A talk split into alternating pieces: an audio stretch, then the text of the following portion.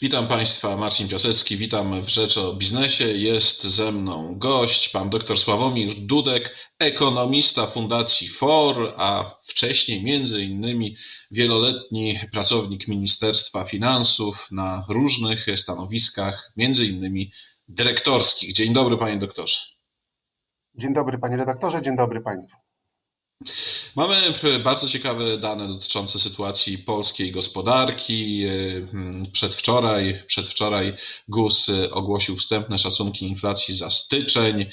No jest to inflacja e, wysoka, 2,7% rok do roku.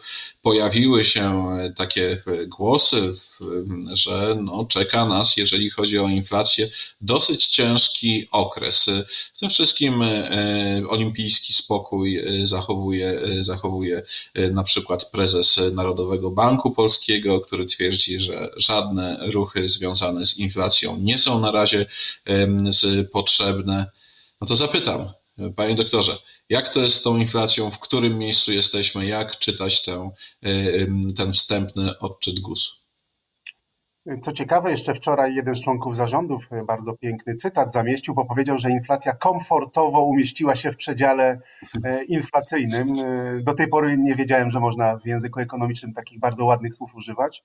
Ale jaka jest prawda? Znaczy, wielu ekonomistów mówiło, że w styczniu będzie pik inflacji, że wcale nie będzie efektu bazy, no bo mamy podatki sektorowe, o których wiedzieliśmy od początku i ten wpływ był dosyć łatwy do policzenia, no bo mamy opłatę mocową, która wpłynęła na ceny energii, mamy podatek cukrowy, który wprost y, każdy zobaczył y, ceny napojów, mamy podatek detaliczny i te podatki po prostu, oczywiście lokalne, różnego y, rodzaju opłaty związane z tym, że musimy ekologicznie się dostosowywać, no i inflacja wyskoczyła do poziomu 2,7. Co to, i to, co to oznacza? Oczywiście to jest dalej poziom w celu inflacyjnym, ale musimy wiedzieć, że mamy bardzo wysokie oszczędności, które skumulowały się we wszystkich krajach. Pewne oszczędności się skumulowały w gospodarce i mówimy o takim efekcie odroczenia popytu. I ten popyt, jak rozmrozimy gospodarkę, chociaż nie wiemy, jakie są scenariusze, bo widzimy, że trzecia fala może tutaj już jest, tylko pytanie, jak będzie silna, ale jeżeli latem rozmrozimy tą gospodarkę, czy na wiosnę, mam nadzieję, że na wiosnę tutaj E, rozmrozimy gospodarkę i ten odroczony popyt e, e, zostanie jakby wejdzie na rynek i będziemy mieli dość, że normalny popyt, który istnieje w gospodarce, plus ten odroczony, no to będzie bardzo silna presja na inflację i ta inflacja może wyskoczyć. I tych efektów na razie nikt nie uwzględnia jeszcze w swoich prognozach. Przypuszczam, że styczeń, luty, marzec to będzie jeszcze efekt bazy, ale później ta inflacja znowu wróci do poziomów takich około 3% i jak wejdzie ten popyt odręczony, to może przebić 3 i zbliżyć się do 4%.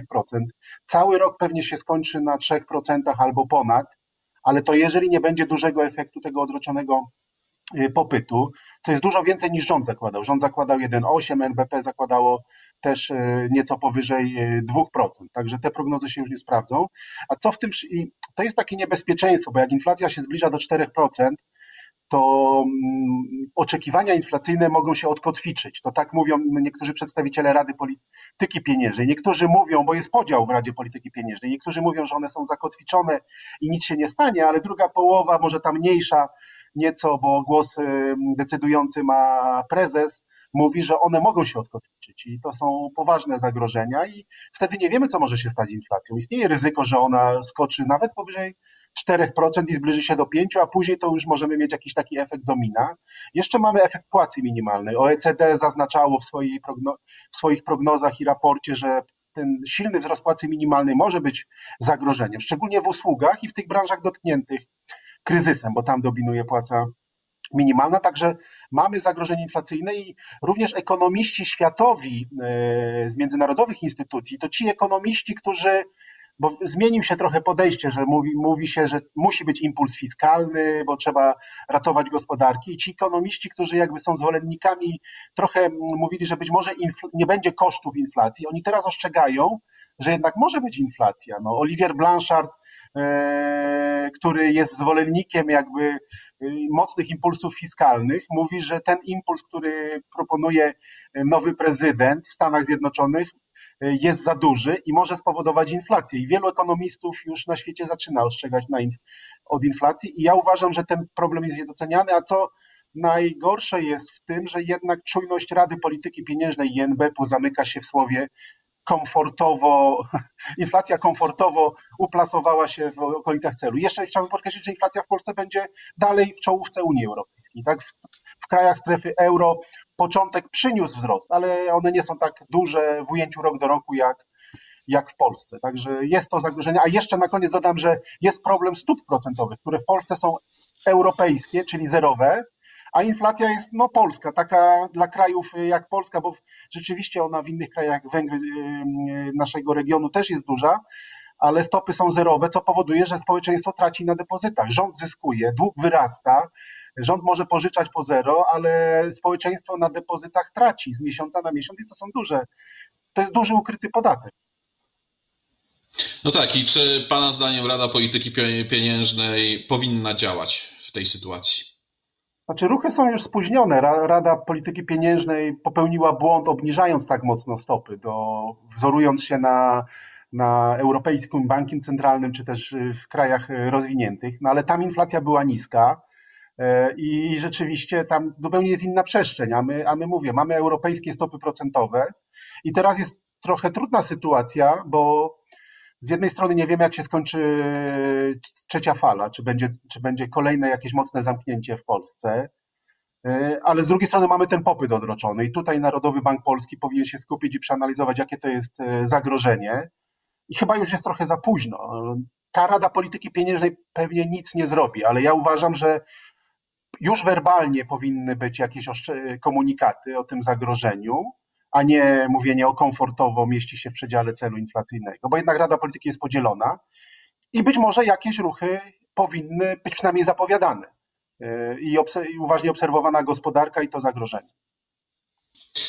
No a gospodarka nam się nieco kurczy. W czwartym kwartale to było 0,7% i jest to wynik na, już na tle europejskim. No, bardzo taki sobie. Mieliśmy przekonanie, że polska gospodarka rok 2020, ten bardzo trudny rok, przeszła, no owszem, ze stratami, ale te straty są niewielkie. Natomiast no, troszeczkę brakuje pod koniec zeszłego roku, zabrakło tego e, odbicia. Inne gospodarki, bardzo wiele innych gospodarek Unii Europejskiej było już na plusie, my nie. I znowu to pytanie, w którym miejscu jesteśmy? Jaka jest kondycja tak właściwie polskiej gospodarki? Ja jeszcze na starcie powiem, że e, jeżeli chodzi o cykl koniunkturalny, bo tym się naukowo zajmuję, to, to e, trzeba też spojrzeć z innej perspektywy, bo mimo e, jest tak nazwany cykl klasyczny, gdzie patrzymy, czy PKB spadł, czy nie, i tak w Stanach Zjednoczonych. W Europie czy w Polsce dawno, w ogóle nie mieliśmy recesji, spadku PKB, a mimo tego przeżyliśmy kryzysy. Globalny kryzys był w Polsce, spadku PKB nie było. Był kryzys rosyjski, gdzie bezrobocie mocno rosło i w takich gospodarkach jak w Polsce Oczywiście patrzy się na spadek PKB, ale patrzy się też na tak zwane spowolnienie gospodarcze. Jeżeli tutaj my spadaliśmy z Mont Everestu, przed kryzysem polska gospodarka była mocno przegrzana. Byliśmy, y, jeżeli chodzi o poziom tak zwanej luki popytowej, na dużych plusach. jakby to porównać, to, to, to mamy porównywalną e, spowolnienie gospodarcze w ujęciu tak zwanego cyklu wzrostowego. Ale tu już bym nie chciał wchodzić w te szczegóły. A jeżeli chodzi, gdzie jesteśmy, no to rzeczywiście moim zdaniem e, trzecia fala i to zamknięcie e, w czwartym kwartale pokazało spadek PKB. On jest, czekamy na strukturę, bo rzeczywiście przemysł był silny i to trochę kompensował ten spadek. Trzeba powiedzieć, że polski przemysł rzeczywiście dobrze sobie radzi w tym kryzysie, dzięki Niemcom, bo rośnie też eksport do Niemiec, ale ten silnik, pytanie, czy będzie dalej trwale się zwiększał, a usługi są dalej na minusie, stąd spadek PKB. Eurostat też opublikował y, wczoraj albo przedwczoraj dane o rynku pracy, takie wstępne, kwartalne, dotyczące takiej szerokiej populacji i również y, liczba pracujących w Polsce miesiąc do miesiąca spadła bodajże o 0,6, PKB o 0,7, a pracujący o 0,6. To jest bardzo duży spadek, zawsze zatrudnienie w relacji do PKB. E, zawsze te spadki były płytsze, e, jeżeli chodzi o spadek zatrudnienia. Tak było w drugim kwartale. Oczywiście to nie jest dużo, i to też jest nawet więcej niż w wielu krajach w, w Unii Europejskiej. I ten czwarty PKB też może być zakłócony w Polsce e, i chyba w Unii Europejskiej Brexitem, ponieważ widzieliśmy, jakie były kolejki, tak? Wszyscy chcieli wyeksportować towary przed 31 grudnia i to napędziło mocno eksport i przemysł, który miał dobre wyniki. I w pierwszym kwartale ten efekt zadziała na minus, mamy duży efekt bazy. Po drugie, mamy rzeczywiście gospodarka jest teraz też zamknięta, jeżeli chodzi o usługi.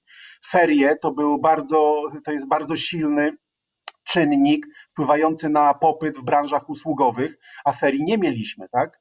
To, że tam e, ta nieodpowiedzialność społeczna i e, turyści się pojawiali, to nie zrekompensuje braku ferii. Branża restauracyjna, hotelowa dalej zamknięta. Także PKB moim zdaniem może nawet mocniej się zmniejszyć w pierwszym kwartale na początku roku, a przyszłość, przyszłość jest pisana niestety niepewnością. No, nie wiemy, co z trzecią falą pandemii. Wydaje mi się, że ta retoryka idzie w kierunku jednak zamykania gospodarki. Minister Niedzielski ostrzega przed tym zmianą trendu i za chwilę się pewnie dowiemy, że będą kolejne zamknięcia i y, te prognozy optymistyczne już musimy, y, mówiące, że 4-5% PKB w tym roku wzrośnie do szuflady. IMF prognozuje i komisja poniżej 3% wzrost i ja się bardziej przychylam do tych prognoz, y, bo, bo będziemy falować i, i problem jest zarządzania epidemią. Premier Gowin i zresztą literatura międzynarodowa mówiła o takiej strategii hammer and dance i o tym tańcu, że w pierwszej fali trzeba było młotkiem uderzyć i mocno zredukować to obostrzenia, a później będziemy tak tańczyć na linie i zamykać, otwierać, zamykać, tylko że u nas to nie jest wyrafinowany taniec, to jest metoda cepa. E, zamykamy mocno, Później jest protest, protest e, przedsiębiorstw, rząd, który jest populistyczny, ugina się pod słupkami i znowu nagle na chybcika coś otwiera, nie ostrzegając, bo tak było z galeriami. W zasadzie właściciele galerii dowiedzieli się z dnia na dzień, że, czy też pracownicy, że jutro muszą przyjść do pracy. Później wzrost zakażeń, znowu metodą CEPA. To nie jest taniec i moim zdaniem przy tej strategii te nasze straty w tym, tym etapie właśnie trzeciej fali mogą, w gospodarce mogą być większe niż nam się wydaje y, i niż było to wcześniej w pierwszej fali. To jaka Pana zdaniem byłaby strategia, po prostu dobra strategia na ten no jednak niesłychanie y, trudny i chaotyczny okres pandemii, y, dużej niepewności, no i tego, że na dobrą sprawę nikt nie wie, jak, jak będzie się rozwijała sytuacja, jeżeli chodzi o COVID-19? Ja to od początku, już od wiosny zeszłego roku mówiłem, że ta strategia powinna być taka smart, inteligentna, a nie metodą cepa. Na czym to polega? Że zamykanie powinno być ostatecznością. Firma firmie nierówna. E, rząd w ogóle nie próbuje znaleźć rozwiązań takich, e, nie zastanawia się nad tym w tym zespole tych doradców, gdzie dominują epidemiolodzy i lekarze. Tam nie ma ekonomistów, nie ma jakichś ludzi kreatywnych, myślących o, znających gospodarkę mobilną. Przecież my jesteśmy liderem bankowości internetowej, jesteśmy liderem rozwiązań różnego rodzaju informatycznych w porównaniu do Europy. Być może odstajemy od Azji, ale naprawdę te rozwiązania mogły być, być moglibyśmy być tu liderem, tak jak to robi Korea Południowa, która różnego, stosuje różne rozwiązania informatyczne, żeby monitorować e, osoby. Im należy szukać, jak otworzyć e, firmę, z protokołami sanitarnymi, y, regionalnie. Na przykład y, rząd pokazał grafikę z, który, o tych ryzykach ze Stanów Zjednoczonych. Pewnie pan redaktor ją wie, gdzie tam były te ryzyka i na górze było, że siłownie, restauracje, ale jak można porównywać rynek restauracji amerykański z Polski? No, to w Stanach Zjednoczonych jest kilkanaście razy więcej restauracji, społeczeństwo wydaje dużo więcej na restauracje, jest w ogóle inny profil demograficzny, inna kultura korzystania z restauracji. To, to jest zupełnie inna, inne ryzyko. Tak samo Włochy, Hiszpania, tam jest kultura chodzenia do restauracji. U nas chodzą osoby młode, zdrowsze. Restauracje są nowoczesne, bo Sanepid Polski mógłby, no umówmy się, no jest y, wiodący w wyznaczaniu wielu protokołów, jeżeli chodzi o restauracje. Nasz Sanepid pewnie zamknąłby połowę restauracji we Włoszech i w Hiszpanii i w Portugalii. Także tutaj i, nikt nie wykorzystuje tej specyfiki. Ponadto ja nie widzę modelu takiego ryzyka, bo powiedzmy, restauracje mają duże ryzyko, ale chodzi tam dużo mniej ludzi niż w Stanach Zjednoczonych czy we Włoszech. E, galerie zamknięto. Dlaczego zamknięto połowę sklepów w galeriach, a połowę nie? Nikt tego nie wie. Dlaczego księgarnie były otwarte, a punkty z telefonami komórkowymi były zamknięte, czy też e, takie samo ryzyko. Chciał, minister Niedzielski mówił, żeby ograniczyć mobilność, ale mobilność można na kilka sposobów ograniczyć, jakąś rotację wprowadzając. Brak jest takiego zarządzania ryzykiem, wymienienia 10 elementów ryzyka, które powodują, że dany punkt jest e, stwarza duże ryzyko, ale epidemiczne, bo na przykład siłownie, duże ryzyko, e, jeżeli chodzi o zarażenie się, bo tam są ludzie spoceni i, i tak dalej, ale mało tam ludzi chodzi. Także jeżeli chodzi o wolumen, do sklepów chodzą ludzie, mały sklep osiedlowy może odwiedzać tysiące ludzi dziennie, a, a inny punkt usługowy, który być może ma większe ryzyko, to tam jest kilkanaście osób i z punktu widzenia epidemicznego to ryzyko nie jest takie duże. E, w sensie liczby zakażeń w skali całego kraju. Zresztą profesor Horman powiedział, to było obśmiane, pewną e, prawdę, bo powiedział, że jest strategia, że zamykamy i trochę pozwalamy się zakażać. No to jest prawda, musimy pozwolić trochę się zakażać, ale te zakażenia muszą być, y, musimy unikać, żeby to nie dotyczyło osób starszych pod względem ryzyka, żeby to byli młodzi ludzie, żebyśmy wiedzieli, kto się zakaża, żeby monitorować tą liczbę, żeby nie przeciążyć systemu i żeby jeszcze wyłapywać te ogniska. I ja tej strategii nie rozumiem. I w ogóle nikt, rząd się nie pochylił, rząd powiedział do firm, po, po, pokażcie nam, y, jakie macie rozwiązania, jakie protokoły sanitarne, to my się zastanowimy, czy otworzyć. Ale to rząd ma wielki aparat merytoryczny, analityczny, ma fundusze, zasoby, żeby właśnie to przeanalizować. A rząd co zrobił? Copy-paste e, z wykresów z pisma w Nature dla Stanów Zjednoczonych. Tylko to zrobił. E, panie doktorze, no ale e, narzeka Pan w tej chwili na brak strategii, jeżeli chodzi o funkcjonowanie gospodarki podczas, podczas epidemii, ale wygląda na to, że będziemy mieli strategię na okres przyszły wychodzenia z pandemii, e, odbudowy i rozwoju gospodarki, gdyż najprawdopodobniej jesteśmy e, blisko ogłoszenia przez premiera Morawieckiego nowego polskiego ładu, czyli strategii, strategii funkcjonowania i rozwoju gospodarki, podobno, tak z przecieków wynika, bardzo obszernej, obejmującej aż 16 dziedzin, y, bardzo rozległych, od polityki mieszkaniowej aż do y, kwestii na przykład związanych z, fundacji, z finansami publicznymi. Czy Pana e, zdaniem tego rodzaju strategia, ten nowy polski ład jest potrzebny i czy on, skoro jest tak rozległy, w ogóle ma szansę zafunkcjonować? Czy ktoś to ogarnie? Znaczy przede wszystkim na pewno potrzebne są strategie, tak? Długookresowe i nie krótkowzroczność, tylko spojrzenie na długi okres i najpierw zidentyfikowanie problemów i, i y, dziwi mnie w ogóle, że powstaje nowy dokument. Trudno mi komentować dokument, bo, bo go nie znam, ale y, mając doświadczenie i patrząc, jak się to odbywa dotychczas, y, to może on być bardzo ładny PR-owo, a zobaczymy, co jest, co jest w szczegółach, ale przede wszystkim rząd, e, premier Morawiecki miał swoją strategię odpowiedzialnego rozwoju i, to jest dokument strategiczny i dziwi mnie, że powstaje nowy, nie rozliczono poprzedniego. Rząd nie rozliczył, bo różni ekonomiści to, to, to rozliczyli, a rząd tego nie rozliczył. Jeżeli już, to powinna powstać właśnie diagnoza tego, co nie wyszło w SORze i aktualizacja tego, co, co, co było. A tu powstaje nowy dokument, widocznie jest jakieś, chce się ktoś odciąć, tak? Bo wiadomo, PR-owo, jeżeli jakiś dokument coś tam nie realizuje, no to warto stworzyć nową, nową, nową nazwę, no i będzie nowy ład. To jedno. Druga sprawa to przypuszczam, przypuszczam, że ten nowy ład to będzie taka nakładka yy, komunikacyjna na krajowy plan odbudowy, który musi rząd zrobić. Yy, nie wiem, chociaż nie wiem.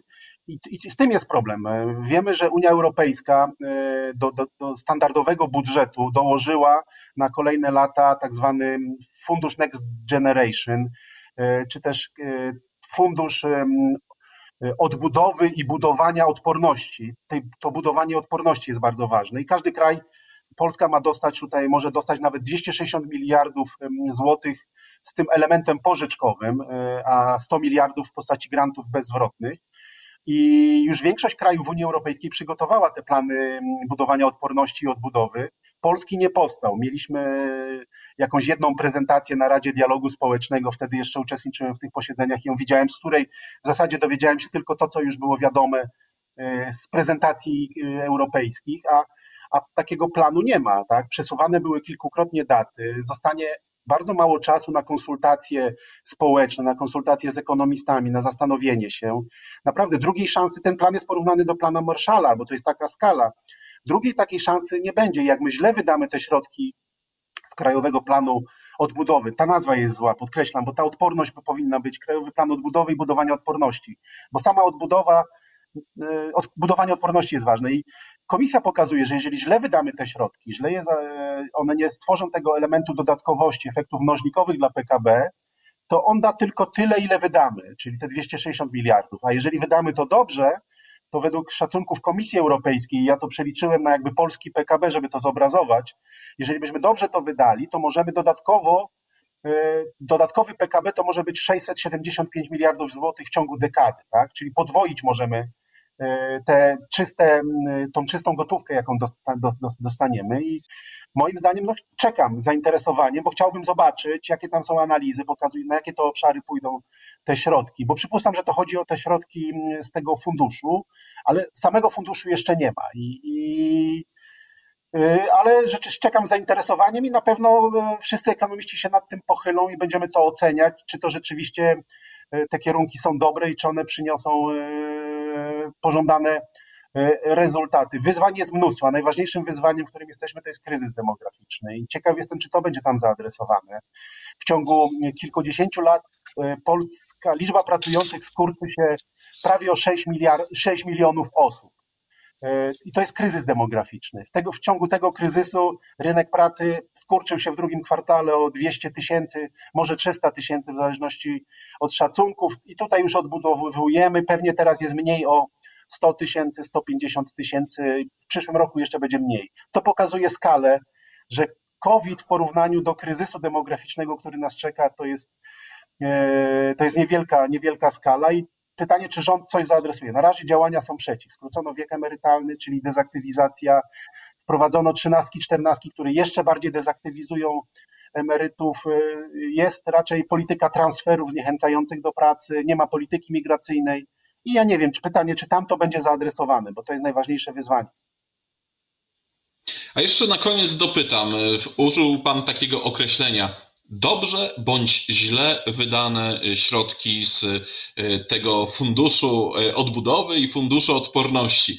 Co to tak właściwie znaczy? Gdybyśmy mogli to zilustrować przykładem, czy jeżeli powstanie nowa, no nie wiem, chociażby droga, to to jest dobrze wydane, dobrze wydane pieniądze, czy, czy nie?